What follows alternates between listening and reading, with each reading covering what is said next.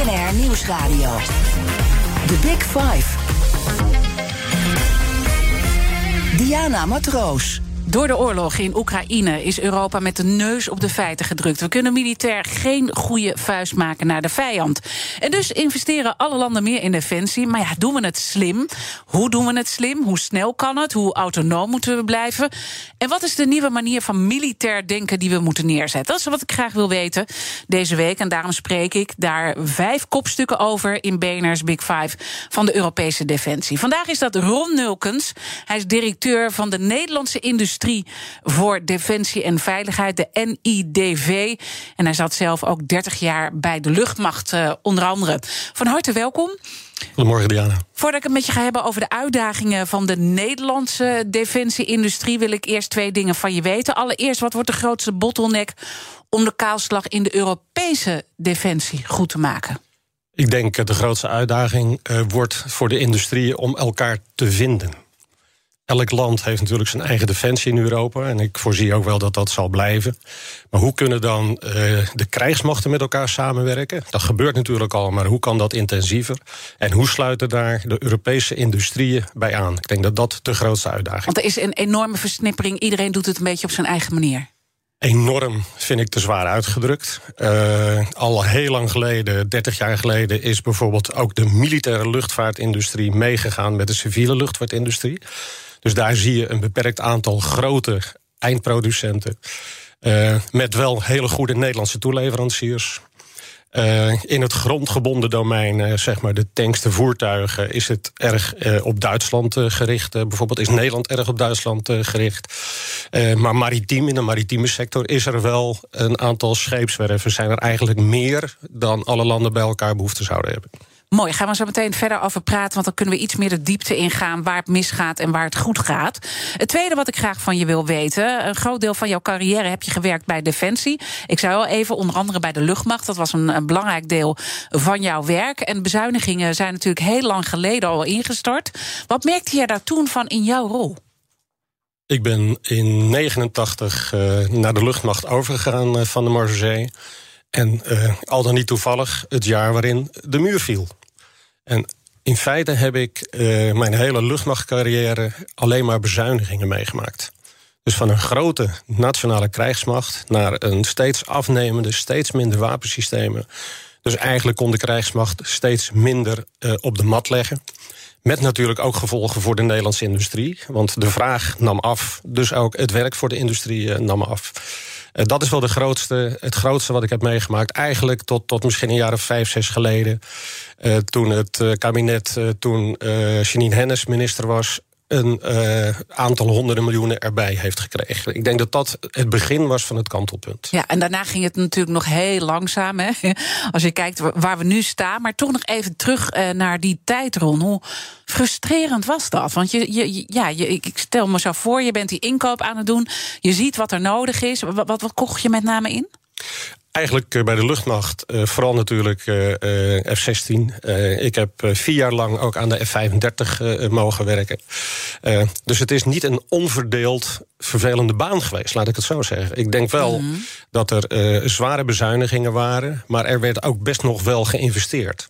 En dat is dan toch wel weer het goede van Nederland. Maar ja, tegelijkertijd werden er ook systemen afgestoten. En dat doet natuurlijk pijn. Een Orion die is afgestoten, tanks die zijn afgestoten. Uh, dat deed inderdaad wel pijn. Maar er is ook best wel geïnvesteerd. Dat is het, het bijzondere van toch de krijgsmacht, van de Nederlandse krijgsmacht. Ja, en dan zitten we nu, uh, zien we de feiten. Hè, en dat gaat natuurlijk ook Europees, dat we die feiten onder ogen moeten zien. We zitten met een enorme kaalslag, terwijl een heftige oorlog is. Ik heb een prachtig interview met jou gezien bij mijn collega Paul van Liemt uh, voor een ander programma. En dat was een jaar geleden. En toen zei je dat Europa heel snel iets aan de verwaarloosde defensie moest doen. Want een conflictvrije toekomst zou een zijn. Ja, nou, Voorzienende woorden. We, we, hebben niet gedroomd. Het is, uh, het is werkelijkheid geworden voordat we er uh, echt, uh, erg in hadden. Mm -hmm. En wat er nu natuurlijk gebeurt met Oekraïne, dat is verschrikkelijk. En, en alle landen zijn zich ook aan het oriënteren en, en ook hard aan het werk om er wat tegen te doen. Maar goed, dat is een hele moeilijke politieke discussie. Ja, maar jij hebt natuurlijk wel, bent ook een roepende in de woestijn geweest. Net als een andere gast die ik een paar keer heb mogen interviewen in dit programma, Jaap de Hoop Scheffer. Die ook in dit programma meerdere malen heeft gewaarschuwd: jongens, we moeten echt wat uh, doen aan defensie. Hoe, kan het nou dat we dat zo hebben laten verslonsen? Terwijl toch nou ja, mannen van naam en gezag daar het een en ander over hebben gezegd. Ik denk dat er uh, het veel mee te maken had dat uh, onderwijs was heel erg belangrijk, zorg was heel erg belangrijk, sociale voorzieningen waren heel erg belangrijk, die kosten heel erg veel geld en veiligheid werd verondersteld. Uh, als je geen dreiging hebt aan grenzen, en dat is dus ook uh, direct het probleem. Ja, wat is dan de, de, de, de maatschappelijke wat is het maatschappelijke gevoel om te investeren? Als je in diezelfde tijd aan Finland, aan de Baltische Staten die vraag had gesteld, dan had er een hele andere uitkomst uitgekomen. Ik heb bijvoorbeeld met de Letse ambassadeur een jaar of zeven geleden gesproken. En die uh, in Nederland, en die zei van het, uh, de vraag die mijn mensen in, in, in mijn land bezighoudt, is niet uh, of de Russen komen, maar wanneer ze komen. Dus in, in de, vooral de noordkant is dat gevoel al veel sterker aanwezig geweest. En daarom wist jij dat ook al, van we moeten daar echt omdat je met dat soort partijen sprak, uh, wist je, we moeten hier echt ja. op acteren. Ja. Uh, hoe zal Finland zich op dit moment uh, voelen? Want Finland en Zweden, nou ja, de, de, de, de, verhalen gaan dat ze nu toch richting de NAVO gaan. Is tegen de Britse Times is dat verhaal gezegd. Uiteindelijk, Poetin waarschuwt weer van doe dat niet. hoe zou Finland zich voelen? Ik spreek regelmatig met mijn collega's. Uh, je moet zien, we hebben een, uh, een twintigtal uh, directeuren van kleine associaties, zoals wij ze noemen. Dus Nederlandse industrie voor defensie en veiligheid, maar dan van de andere landen. Ja.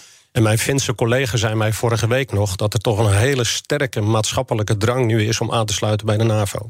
Overigens geldt datzelfde voor Zweden. En die spreek je natuurlijk ook, ja. En die spreken nu uit ervaring, omdat ze niet uh, lid zijn van uh, de NAVO. En dat was Oekraïne ook niet. Nee, en, en ze voelen dus, uh, ze zitten heel dichtbij, ze voelen veel meer die urgentie ja. om echt nu te acteren. Zeker. Ja. Als je dan kijkt, we hebben het laten uh, verslonsen. Overigens in 2011 de toenmalig minister van Defensie Hans Hille, dat is jullie voorzitter, hè, uh, die nam het besluit om de koninklijke landmacht uh, afscheid te laten nemen van alle nog resterende tanks. En dat wordt door Defensie echt gezien als een zwarte bladzijde in de Nederlandse krijgsgeschiedenis. Dus ook daar zie je iemand ja, die jullie eigen voorzitter is, die inschattingsfout heeft gemaakt, natuurlijk met de hele maatschappij daarachter. Uh, ik weet heel goed dat Hans dit zeer betreurt. Maar ja, hoe dat natuurlijk gekomen is, eigenlijk langs de lijnen die ik net zei. Voor Defensie was geen geld, Defensie was sluitpost. Hij moest met 8 miljard moest hij een uh, defensieapparaat moest hij, uh, in stand houden. En dat heeft uh, keuzes gevergd. Iets daarvoor zijn de Ryans zijn afgestoten. En er zijn echt majeure wapensystemen zijn er echt afgestoten. Ja, het is een hele vervelende situatie. Het is een hele vervelende situatie, zeker als je ziet waar we nu uh, zitten. Uh, is Macron daarin eigenlijk ook wel heel bepalend geweest? Want die heeft natuurlijk al een keer eerder gezegd: de NAVO is hersendood. Uh, die heeft ook ons misschien wel wakker geschud dat we een bepaalde kant op gingen bewegen, militair ook anders gingen denken. Ik denk dat we de laatste jaren langzaam zijn wakker geschud met, met de Krim. Je ziet dus dat al vijf jaar geleden uh, natuurlijk met, met Franse, maar ook met Duitse steun. Er in Europa militaire middelen zijn uh, bijeengebracht. Uh, in het Europees Defensiefonds. Mm -hmm. Waar natuurlijk de grote landen, maar ook Nederland heel veel mee, mee zou willen om de Europese militaire capaciteiten te verbeteren. Maar ook om de defensie, technologische en industriële basis, zoals dat netjes heet, te verstevigen. Juist om die Europese uh, militaire macht te versterken. En daar heeft Macron, denk ik, een, een, een goede rol uh, in vervuld. Uh, Fransen ja. hebben daar een goede rol in vervuld. En hij zegt dan ook nu, we zijn wakker geschud, hè, de oorlog in Oekraïne. Nou ja, dat, dat hebben we dan zelf ook allemaal door. Maar is die wake-up call op tijd gekomen? Het uh, moeilijke, en ik, ik praat uh, wat minder over politiek, ik praat dan wat liever over behoeftes van defensie die de industrie kan vervullen.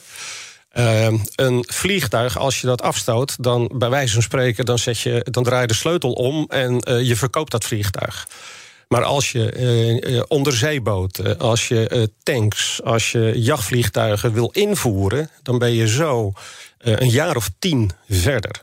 Ja. Dus per definitie ben je te laat. Veel en veel te laat. En dat is precies waarvoor ook aan Jaap de Hoop Scheffer heeft uh, gewaarschuwd. Ja, Ja, dat is, dat is triest, hè? Dat, dat, dat er zo voor gewaarschuwd is en dat we er niets mee hebben gedaan. Allah, we gaan nu kijken wat we er wel uh, aan kunnen doen. Tegen welke vormen van aanvallen moeten we ons nou met name Europees beschermen? Hè? We zien natuurlijk nu ook mogelijk een chemische aanval door de Russen. Hè? Dus je ziet uh, nou ja, aan de ene kant toch wel veel op de grond ook uh, gebeuren. Terwijl eerst heel erg van cyberaanvallen werd uitgegaan. Voor welke aanvallen, welke vijanden moeten we ons beschermen? Ongetwijfeld komt hier ook een, een, een strateeg die dat nog echt goed kan beantwoorden. Waar wij als industrie, de Nederlandse defensie, de Europese defensie, maar ook de NATO bij kunnen helpen. Uh, dat zijn dus echt hele goede bedrijven op het gebied van radartechnologie, op het gebied van cyber. Uh, op het gebied van uh, serious gaming, zeg maar. Simuleren van bepaalde militaire omgevingen. Overigens ook voor politie en, en voor brandweer. Dus wij hebben hoogtechnologisch echt heel veel bedrijven die daarbij kunnen helpen. The Big Five. Diana Matroos. Mijn gast is Ron Nulkens. Hij is directeur van de Nederlandse Industrie voor Defensie en Veiligheid, kort gezegd de NIDV. Uh, je staat hier dus namens de Nederlandse Defensie-industrie. Uh, kun je schetsen hoe groot die sector is?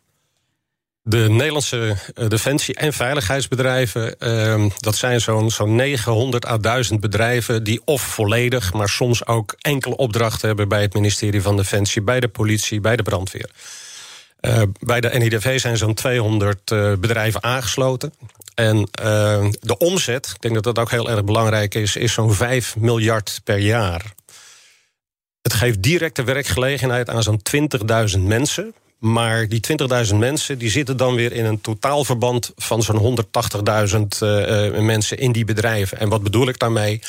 Er zijn niet zoveel bedrijven die alleen maar voor defensie uh, leveren. Een bedrijf als Thales, een bedrijf als uh, GK en Fokker, een bedrijf als Dame hebben dus ook civiele afzet. En dat maakt overigens ook de kracht van zo'n bedrijf. Doordat ze, als het slechter gaat, kan Defensie wat, wat meer opdrachten aanbieden. Dat is dus ook tijdens corona gebeurd. En als het beter gaat, ja, dan, dan moeten ze de afweging maken. Maar het helpt dus heel erg. Ook die technologieën helpen elkaar heel erg om zo'n bedrijf ook verder in de toekomst te brengen. Ja, als je die omzet en het, de grootte van het aantal bedrijven vergelijkt met de Europese defensieindustrie, hoe groot zijn we dan ten opzichte van die Europese defensieindustrie? Als je die Nederlandse 5 miljard uh, afzet tegen de omzet van de Europese defensieindustrie, dat is ongeveer 130 uh, miljard. Dus we zitten op een, een 2-3 procent van de Europese defensieomzet. Uh, dat, dat is eigenlijk ook vrij, vrij logisch. Landen als het Verenigd Koninkrijk, Frankrijk, Duitsland, Italië, Zweden, uh, Spanje. dat zijn toch wel de landen. Een aantal daarvan heeft ook een, een, een verband afgesproken waarin ze ook, ook samenwerken. Uh, die zeven landen die dragen alleen al bij uh, zo'n 90 procent. Dus Nederland staat onder dat uh, lijstje eigenlijk wel direct bovenaan. Ja, nou hebben de Europese landen de defensiebudgetten flink omhoog gegooid. Hè. Duitsland is natuurlijk helemaal ongekend wat die hebben gedaan. Dat is echt een andere manier van denken. Echt een enorme draai die die met die 100 miljard hebben gemaakt. we hebben natuurlijk het strategisch kompas waar de defensiestrategie ook in staat. overigens moet dat natuurlijk nog nader worden uitgewerkt. Wat merken jullie als Nederlandse defensieindustrie nu uh, van het feit dat die echt die manier van denken gekanteld is? Wat wij merken is uh, natuurlijk het uh, laatste regeerakkoord, waar het defensiebudget van 10 naar zo'n 13 miljard is gegaan. Uh, dat, dat gaat natuurlijk niet alleen maar naar materieel, laat het ook duidelijk zijn. Het personeel heeft daar uh, echt betere arbeidsvoorwaarden nodig. Maar er is al gezegd. Dat is het grootste probleem, begrijp ik. Dat is een heel groot probleem. Niet het grootste? Nee, want als je, als je hele goede mensen hebt, maar je hebt geen materieel, dan is het probleem niet opgelost. En dat is de slagkracht van de krijgsmacht. Dus je moet dat echt samen uh, zien. Maar wat uh, Defensie uh, in de, de, de, de stukken al heeft geschreven naar de Kamer... is dat het vooral gaat om herstellen wat kapot is gemaakt. Wat achterstallig onderhoud. en cyber is heel erg belangrijk. dus de hele IT-organisatie. En wat nieuwe investeringen. Wat wij merken is dat daar natuurlijk recent een discussie is ontstaan... een beetje parallel aan Duitsland dat er nog meer bij moet. Dat we naar de 2% gaan. 2% is op zichzelf geen doel. De NAVO-norm, hè? De NAVO-norm, maar dat zou dus betekenen dat er nog zo'n zo'n 3 à 4 miljard bij komen, uh, komt. Ik weet niet in welk fase van politieke besluitvorming dat is. Dat, dat zullen we nog moeten afwachten. Maar dat betekent dus dat er miljarden bij komen... die echt door de industrie zullen moeten worden uh, weggezet. Bij de industrie zullen moeten uh, worden weggezet. En dat is echt een groot probleem. Uh, Want leg eens uit, wat, wat, is het probleem waar jullie tegenaan lopen? Het is een veelzijdig probleem. Uh, de, de, industrie uh, is natuurlijk jarenlang heeft minder omzet gedraaid vanuit Defensie. Die zijn ook andere dingen gaan doen. Dus die eerste bedrijven maar terug te krijgen. Uh, personeel, ook voor bedrijven, ook voor de krijgsmacht, is schaars. Zie dat maar terug te krijgen. En wat natuurlijk versterkt door de Oekraïne-crisis ook nog een keer aan de hand is, dat uh, schaarse materialen, aluminium dat soort van dingen, om wapensystemen te maken, ook heel uh, moeizaam te verkrijgen zijn. Dus een aantal problemen, maar misschien wel net zo belangrijk is toch de traagheid van besluitvorming in Nederland. Daar heb ik al uh, een keer in een ronde tafel voor het Europees Defensiefonds in de Tweede Kamer uh, aandacht voor gevraagd. Het is uh, te gek dat het jaren duurt voordat een behoeftestelling van Defensie. totdat eigenlijk de aanschafbeslissing kan worden, worden genomen. Dat, dat kan twee, drie, vier jaren duren. En ook dat moet toch sterk bekort worden. En de industrie wil daar graag aan meewerken. Ja, uh, dat begrijp ik. Hè. Jullie willen natuurlijk ook uh, die afzetmarkt. Maar is het wel mogelijk binnen de wetgeving die we hebben. om het ook anders te organiseren? Ik heb gelezen dat uh, de Duitse minister van Defensie overweegt om voor deze crisis de aanbestedingswetgeving tijdelijk buiten werking uh, te stellen. Nou, dat zou een optie zijn in Nederland die ook te overwegen is. Um, het gaat uh, om de politieke besluitvormingsprocessen waar ik het nu over heb. inkoopprocessen, ik vind dat op zichzelf is dat nog niet eens het ergste. Al jarenlang stelt uh, Defensie concurrentie. Ik denk dat het ook goed is. Uh, mm -hmm. En dat kost tijd. Nou, je zou nu kunnen zeggen: de nood is erg hoog. Laten we stoppen met concurrentie stellen. En laten we direct wapensystemen aankopen. En, en als je daar naar kijkt, hè, het gevoel van roepende in de woestijn. Je ziet dan nu Duitsland, die echt een enorme draai maakt. als het gaat om het bedrag. Maar ook om dit soort zaken. Nou, doen wij er ietsje bij. Uh, zit daar ook iets onder van ongelooflijk dat het eigenlijk nog zo gaat? Nou, ik vind niet dat als je spreekt uh, in, in. Misschien wordt de besluitvorming in 2022 wel dat er 7 miljard bij Defensie bijkomt dan kan je niet zeggen dat dat een ietsje erbij is. Uh, ik, maar je, je moet eigenlijk alles in, in perspectief uh, zetten. Maar uh, je verwijst natuurlijk niet voor niks naar Duitsland, waar echt een, die wetgeving wordt aangepast. En eigenlijk lopen we de lijnen met elkaar dat, dat nou ja, jij en Jaap de Hoop Scheffer en zo zijn er nog een paar mensen die echt jarenlang aan de bel hebben getrokken. Doe iets. Ja. En dan zitten we nu op zo'n keerpunt. En dan zie je toch Duitsland een veel grotere stap maken. Ja, maar dat is een financiële stap. Maar, maar... Nee, maar ook met die wetgeving. Ja, nou ja, ik weet dat, niet of dat, dat gebeurt. Hè? Uh, nee, maar je, je noemt als, het, van daar worden klopt. toch wel de, de zaken eh, versneld. Dus dan kijk ik toch weer eventjes hier naar eigen land. En als de Duitse Grünlichkeit zegt dat wetgeving buiten werking wordt gesteld... dan is er echt wel wat aan ja, de hand. Dus zitten wij te slapen dan? Nou, ik weet niet. De discussie wordt in Nederland nog niet gevoerd. En uh, ook NIDV maar heeft. zitten we te slapen dan? Nee, ik denk het niet. Ook de NIDV heeft geprobeerd dit op de agenda te krijgen van de Tweede Kamer. Dus de Tweede Kamer zal hier ook wat, wat mee moeten. Ja. Die hele, maar dat... dat het niet wordt, want ik probeer het dan toch. Ik probeer het gewoon te begrijpen. Hè. Uh, het, het is echt. Uh, de, de alarmbellen gaan overal af. Die gaan al heel lang af. En nu nou, zijn ze echt afgegaan. Ja. En dan moet er dus een vervolgstap komen. Terwijl eigenlijk ook nu iedereen aan het inkopen is. Want ik bedoel, Duitsland koopt misschien ook wel bij de Nederlandse defensieindustrie uh, in. Dus, dus zitten we dan niet gewoon weer te slapen? Ik denk niet dat we zitten te slapen hoor. Want ik weet ook. Maar dat is niet leuk om te zeggen, natuurlijk, nee, naar nee, nee, nee klanten. Nee. maar daar gaat het niet om. Ik, ik ben best wel kritisch als het zijn uh, moet. Maar het zijn natuurlijk uh, gigantische processen. Dat tweede bedrag, wat ik net een aantal keren heb genoemd, daarover is nog niet eens besloten. Wat ik weet, is dat uh, vooral de directeur van de Defensie Materiële Organisatie zich nu echt aan het voorbereiden is op een grote intensivering van, van zijn inkoop. dus er, er gaat veel meer uh, aangekocht worden. En wij zijn al met hem in gesprek daarover. Dus we zitten dus niet we te slapen. We zitten niet eh, te slapen. Ja, ik bedoel niet dat Defensie zit te slapen, maar dat de Kamer zit te slapen. Nou ja, de Kamer mag best wel wat, eh, wat, wat harder zeggen, ook over haar eigen procedures. Want daar wilde ik net met je naartoe, eh, Diana. Ja. Het defensiematerieelproces is vooral een proces van de Kamer. En als je in drie, vier stappen tot uiteindelijk de aanschafbeslissing komt, dat zou ook best wel eh, korter kunnen. De, de rol van de Tweede Kamer. Daar is het ook mee begonnen met de motie Frinking van het DMP-proces, het Defensiematerieelproces. Is eh, aan het begin kijken van past een voorgenomen behoefte van Defensie bij de strategische richting die dit land wil met zijn krijgsmacht. En dan lijkt het erg goed om aan het einde ook te kijken van wat er dan wordt aangeschaft. Wat de staatssecretaris in dit geval voornemens is aan te schaffen. Of dat daar ook bij past. Maar er zitten nu voorstudies, studies, er zitten allerlei stappen tussen waarvan je denkt, die zijn echt niet nodig. Nee, en de strategie is misschien nog niet eens duidelijk. En dat moet natuurlijk komen straks in de defensienota. Laten we daar zo meteen dan over verder praten met Ron Nulkens, directeur van de Nederlandse Industrie voor Defensie en Veiligheid. Spreek ik mee en dan vraag ik aan hem waar politiek Den Haag in moet investeren als het gaat om de Nederlandse defensie, wat hem betreft. Eén ding is zeker: de wensenlijst is te lang. Blijf luisteren.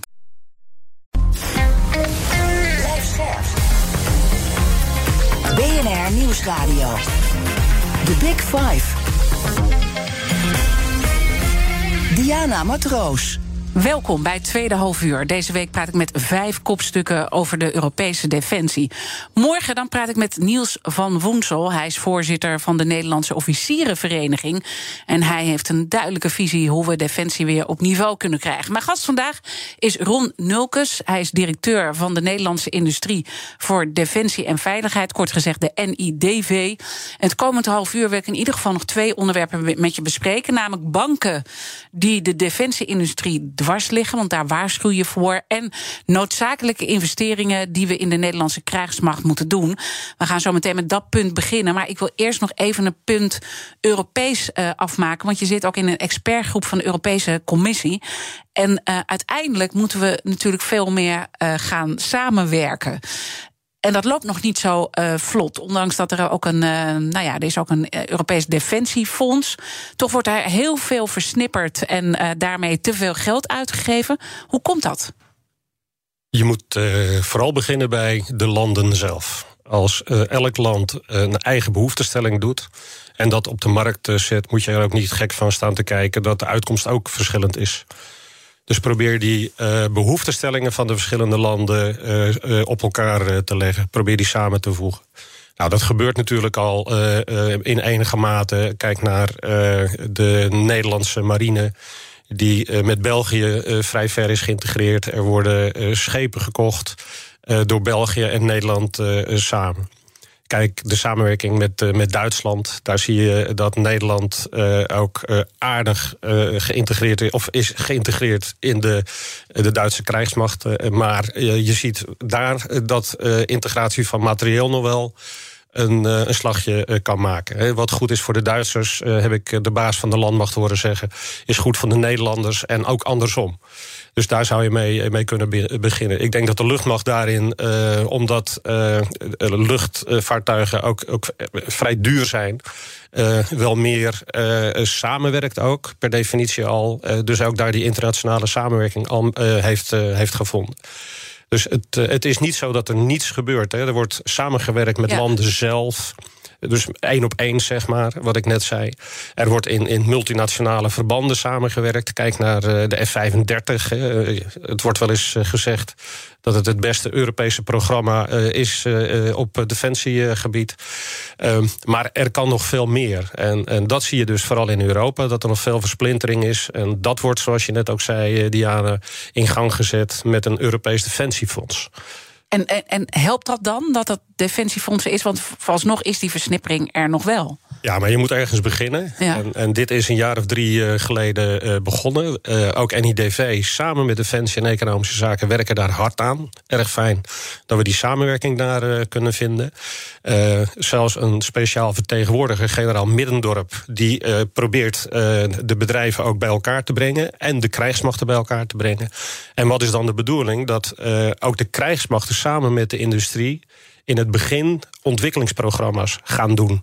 Die uiteindelijk dan ook weer worden aangeschaft. Nou, en als je dan zorgt dat je industrieën in die programma's aanwezig zijn, ja, dan uh, zou het automatisch moeten zijn dat uh, de krijgsmachten dus ook die wapensystemen kopen. En dan heb je dus veel meer eenduidigheid, eenvormigheid in Europa. Ja, en zal het ook zo zijn dat uh, we moeten dus meer gaan samenwerken als het gaat om de krijgsmacht, maar betekent dat hetzelfde eigenlijk voor de defensieindustrie, dat die ook meer moeten gaan samenwerken en dat daar ook een consolidatieslag gaat ontstaan? Waar we het net, uh, net over hadden, hè, uh, op luchtvaartgebied, militaire luchtvaart, er zijn bedrijven die uh, hele goede componenten aanleveren voor bijvoorbeeld de F-35, nog steeds voor de F-16.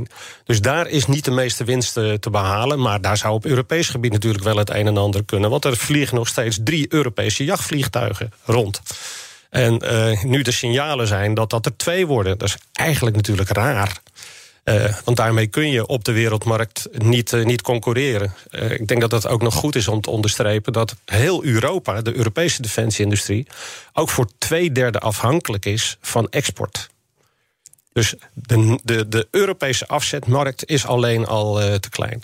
Maar juist doordat je nu in een vroeg stadium in dat Europees Defensiefonds de krijgsmachten en de industrie bij elkaar brengt, mm -hmm. zie je dat dat steeds beter gaat worden. En dat zal bijvoorbeeld op maritiem gebied intensiever zijn dan op luchtvaartgebied. Misschien is het mooi om hier ook de kettingvraag uh, bij te stellen. Want in de vorige aflevering sprak ik met Sabine Mengelberg. Zij is universitair docent aan de Nederlandse Defensieacademie. En Sabine had deze vraag voor jou. Dus als wij streven naar strategische autonomie van de Europese Unie, uh, ook omdat Amerika dat uh, vraagt, waar inmiddels ook Nederland voorstander van is, in de zin van dat we onze Europese krijgsmachten moeten versterken dan vraag ik me eigenlijk af: moet Nederland dan ook een eigen defensieindustrie gaan opzetten? En met name in het achterhoofd. Uh, denk ik dan aan dat het in, in Nederland uh, de afgelopen decennia, uh, laten we zeggen, politiek en maatschappelijk niet makkelijk heeft gelegen. en ik vraag me af hoe de heer Nulkes denkt dat het maatschappelijk draagvlak voor een eigen defensieindustrie zou liggen. Ja, daar zie ik toch wel een aantal schakels in één ketting vraag. Uh, de Amerikanen hebben inderdaad uh, gevraagd dat Europa uh, wat zelfstandiger gaat worden. Een veel belangrijkere pijler, de 2% discussie, meer wapensystemen die ze ook op de mat kunnen leggen. Daarmee kun je zeggen, wordt Europa meer autonoom. Maar als je bijvoorbeeld kijkt dat op gebied van, van space, ruimte uh, er in Europa nog lang geen autonomie is, omdat we zwaar afhankelijk zijn van de Amerikanen, zou ik toch op voorlopig even twee paarden willen blijven wedden. Uh, blijf dus ook uh, voor de, de Amerikanen kiezen. ook impliciet in de vraag zit een eigen defensie-industrie. Precies, ja. Die is er natuurlijk al. Met 5 miljard omzet uh, moet je dus zeker zeggen dat dat uh, best wel substantie heeft. Ik denk dat Sabine bedoelt, zou je die verder moeten uitbouwen? Nou, ik denk dat dat best uh, kan. Ook omdat de koopkrachtige vraag bij Defensie toeneemt. Ja. Dus dat zou betekenen... En ook omdat eigenlijk door alle bezuinigingen, want dat benoemde je eerder, dat ook bedrijven iets anders zijn gaan doen of uh, naar het buitenland uh, zijn gegaan. En dat we dus eigenlijk uh, ja, zelf niet meer zoveel in huis hebben. Dat in ieder geval minder. Ja, maar daar dient onder meer het Europees Defensiefonds. En dat zullen we dus ook uh, zien met de intensiveringen die op defensie afkomen. Waar uh, de defensieindustrie natuurlijk best wel een hele aantrekkelijke sector, een nog aantrekkelijker sector zou ik bijna zeggen, ja. willen, uh, wordt. En dan komen we eigenlijk ook bij de Nederlandse situatie uit. Hè, want we mixen een beetje de Europese lijn ja. en de Nederlandse lijn. Dan moet je eigenlijk ook gaan kijken, wat willen wij als Nederland nou doen? Dan moet je een bepaalde visie hebben waar we uiteindelijk naar naartoe willen. Uh, als jij het kabinet advies zou mogen geven, wat, wat, wat zou die visie moeten zijn gezien uh, de vijanden die we nu uh, zien, zichtbaar en onzichtbaar? Nou, dat vind ik een hele moeilijke vraag, omdat de defensieindustrie volgt natuurlijk de behoeftesteller. De defensieindustrie volgt het Nederlandse ministerie van Defensie. Uh, vooral de commandant der strijdkrachten zal moeten aangeven waar hij zijn nadruk op uh, zal gaan leggen. En dat zal de komende weken met de defensienota zal dat blijken. Hij heeft natuurlijk al het een en ander gezegd. Hè, dat wij niches binnen de NAVO zouden moeten gaan invullen. jachtvliegtuigcapaciteit, onderzeebootcapaciteit. hij wil echt heel vooruitstrevend worden in cyber, in de IT-organisatie het uh, gestuurd optreden. Want een, een oorlog zal ook een informatieoorlog zijn. En daar zijn we heel goed in ook. Wij hebben uh, echt hele goede Nederlandse bedrijven die Defensie daarbij kunnen helpen, maar ook uh, andere krijgsmachten bij kunnen helpen. Dus wij volgen Defensie. Nou, dat begint zich af te tekenen. Mm -hmm. Het is natuurlijk nog niet helemaal rond, maar we bereiden ons daar wel op voor. En is het verstandig? Want kijk, aan één kant uh, begrijp ik ook die lijn. En we hebben hier eerder ook uh, de MIVD, de topman waar ik mee heb ge gesproken, de AIVD. Weet je, al die partijen uh, die geven heel duidelijk aan dat cyber, dat wordt nou, super belangrijk, dat we daar investeren. Toch valt het, nou ja, tegen is misschien een beetje een rare uitdrukking als je het hebt over een oorlog. Maar cyber heeft helemaal niet zo'n groot onderdeel gevormd nu in die Russische oorlog in Oekraïne. Dus dat gaat eigenlijk veel meer over de grond. Dus is het dan wel verstandig om hier juist heel goed in te worden? Dat is het uh, dilemma van een commandant der strijdkrachten en van de Nederlandse politiek, maar ook van de industrie. Want ik denk dat je uh, misschien niet hebt gezien wat er allemaal is gebeurd op het gebied van cyber. Als je, als je natuurlijk wat achtergrondinformatie leest, zie je dat er uh, vanuit Rusland best wel verstoringen hebben plaatsgevonden. Zeker, zeker. Dus en dat hebben wij hier ook bij het programma allemaal benoemd. Alleen ja. het werd als veel groter neergezet. Dat we heel, en misschien gaat dat in de toekomst een keer gebeuren. Maar nu hebben we dat eigenlijk, valt het dan mee en gaat het toch veel meer over de, ja, de klassieke manier van oorlogsvoering. En dat is precies waar we het in het begin over, over hadden. We waanden ons veilig. Er, er zouden toch geen tanks meer uh, richting het westen uh, komen rijden. Ja. Maar dat is dus echt gelogenstraft. Ja. Dus het is ook een, een, een, uh, een cyberoorlog. Maar tegelijkertijd moet de krijgsmacht zich dus ook uh, voorbereiden op echt de klassieke uh, oorlog.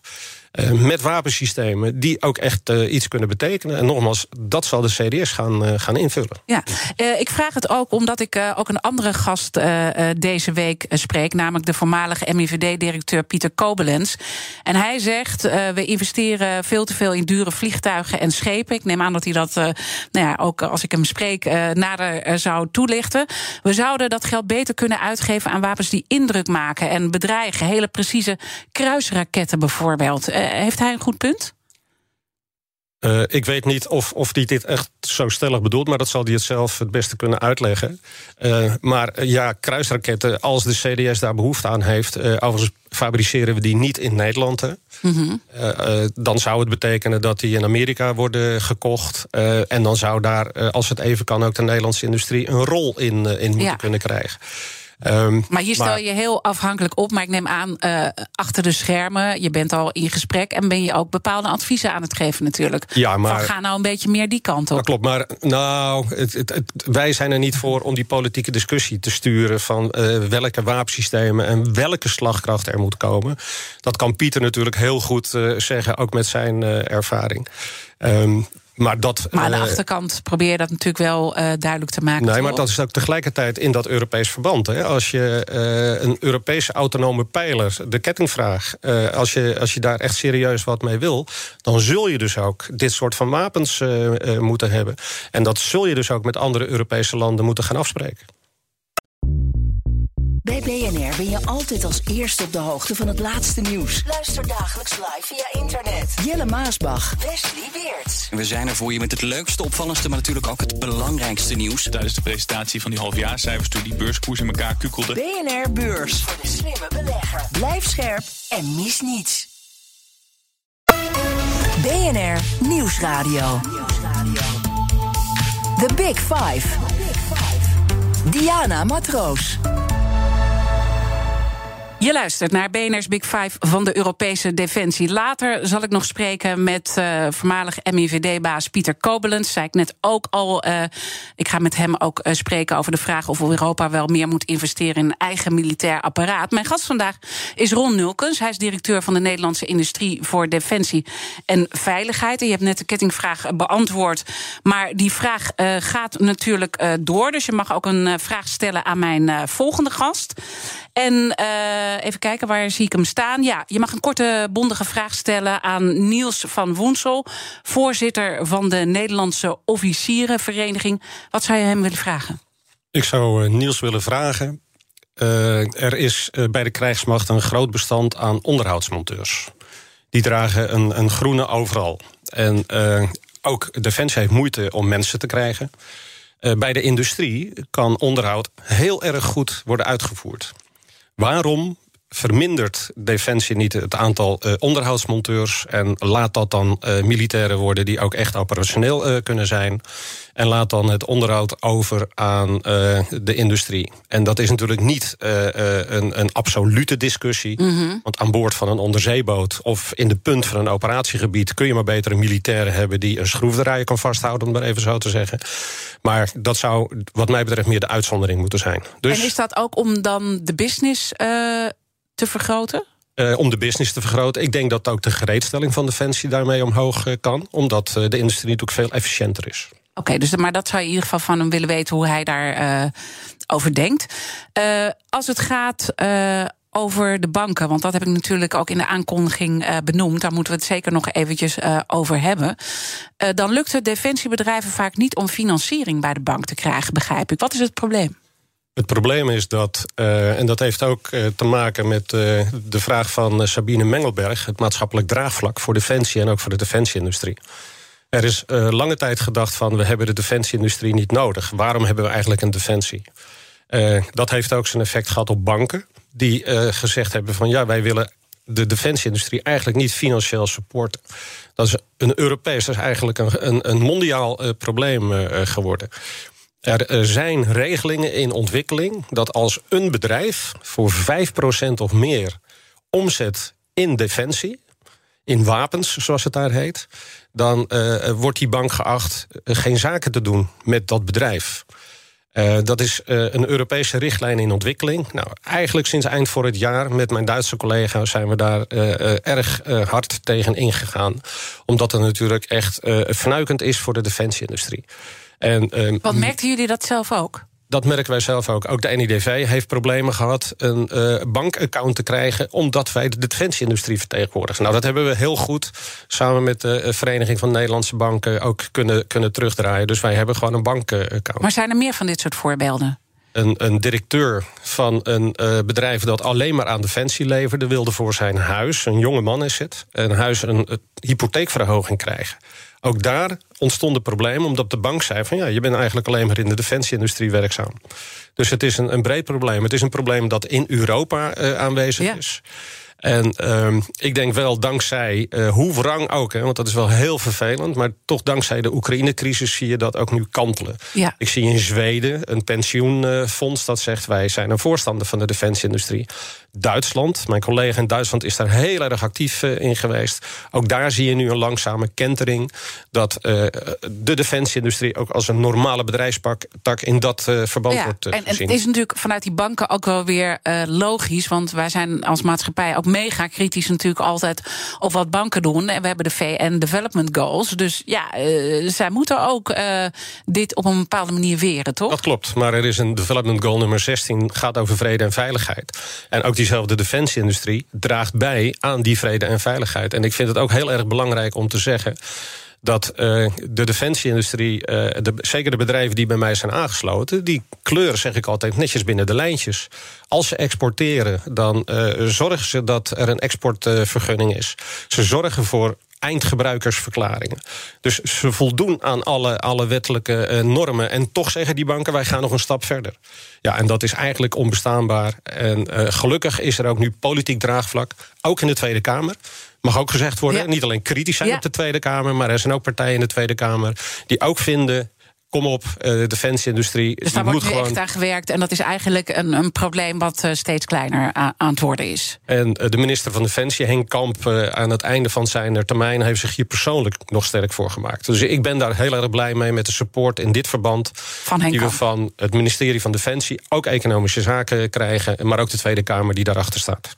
We praten nu bijna een uh, uur met elkaar over Europese defensie, over de Nederlandse uh, defensie. Als je nou de balans opmaakt, wat is nou echt de komende tijd de grootste uitdaging? De grootste uitdaging is toch om defensie, het Nederlandse ministerie van Defensie, te helpen bij het vervullen van de behoeften. Die kan niet alleen in Nederland uh, worden, worden weggezet. Hè. Dat, zal, dat zullen ook buitenlandse grote bedrijven zijn die uh, klant worden en, en blijven van Defensie maar zoveel mogelijk Nederlandse betrokkenheid van de Nederlandse industrie daarin creëren. En in lijn daarmee, uh, Europa moet versterken. Doe dat zoveel mogelijk in Europees verband. Maar veronachtzaam de band met de Amerikaanse uh, defensie. En zeker niet met de Amerikaanse defensieindustrie. We hebben ze echt nog nodig. We kunnen echt nog lang nog niet op eigen benen staan. Hè? Als, als het nou gaat om de grootste uitdaging qua vijandschap, uh, ligt het dan toch veel meer in de lijn van cyber, wat we nu misschien nog niet zo zichtbaar zien, maar wat er toch echt wel uh, heel groot aanwezig is? Ja, kijk, Pieter zou daar natuurlijk uh, de boventoon laten, laten voeren. Ik denk dat cyber een heel groot uh, probleem is en blijft. En, en niet alleen voor een krijgsmacht, maar ook voor politieorganisaties. Maar we moeten ook dat klassieke conflict, dat, dat zien we vandaag, moeten we ook niet vergeten. En als je kranten leest, zie je ook dat vooral in het zuiden toch nog het, uh, het vluchtelingenprobleem uit, uit Afrika naar het zuiden van Europa een groot probleem blijft. Dus er, er is een groot aantal van, van dreigingen. Ja, en de moeilijkheid voor Defensie is hoe bereid je je daarop voor? En de moeilijkheid voor de defensieindustrie is... hoe help je uh, defensie bij die voorbereiding? Het zijn moeilijke keuzes die ze daar moeten maken. En we gaan kijken uh, waar ze op uitkomen. We zijn daar natuurlijk heel uh, benieuwd naar. Ik wilde je danken voor je komst vandaag naar de studio. Ron Nulkens, directeur van de Nederlandse Industrie voor Defensie en Veiligheid, of kort gezegd de NIDV. En natuurlijk zijn alle afleveringen van BNR's Big Five terug te luisteren. Je vindt de podcast in onze BNR-app en op bnr.nl. Maar blijf zo meteen uh, natuurlijk zeker live. Iwan Verrips uh, met het mooie programma BNR Breekt, wat helemaal gaat over de elektrische fiets. En of dat nou allemaal voor veel meer gevaar zorgt op de weg en hoe we daarmee moeten omgaan. Uh, intussen wens ik iedereen een hele mooie dag. En de zon schijnt, dus dat is heerlijk. Bij BNR ben je altijd als eerste op de hoogte van het laatste nieuws. Luister dagelijks live via internet. Jelle Maasbach, Wesley Weerts. We zijn er voor je met het leukste, opvallendste, maar natuurlijk ook het belangrijkste nieuws. Tijdens de presentatie van die halfjaarcijfers toen die beurskoers in elkaar kukkelde. BNR Beurs. Voor de slimme belegger. Blijf scherp en mis niets.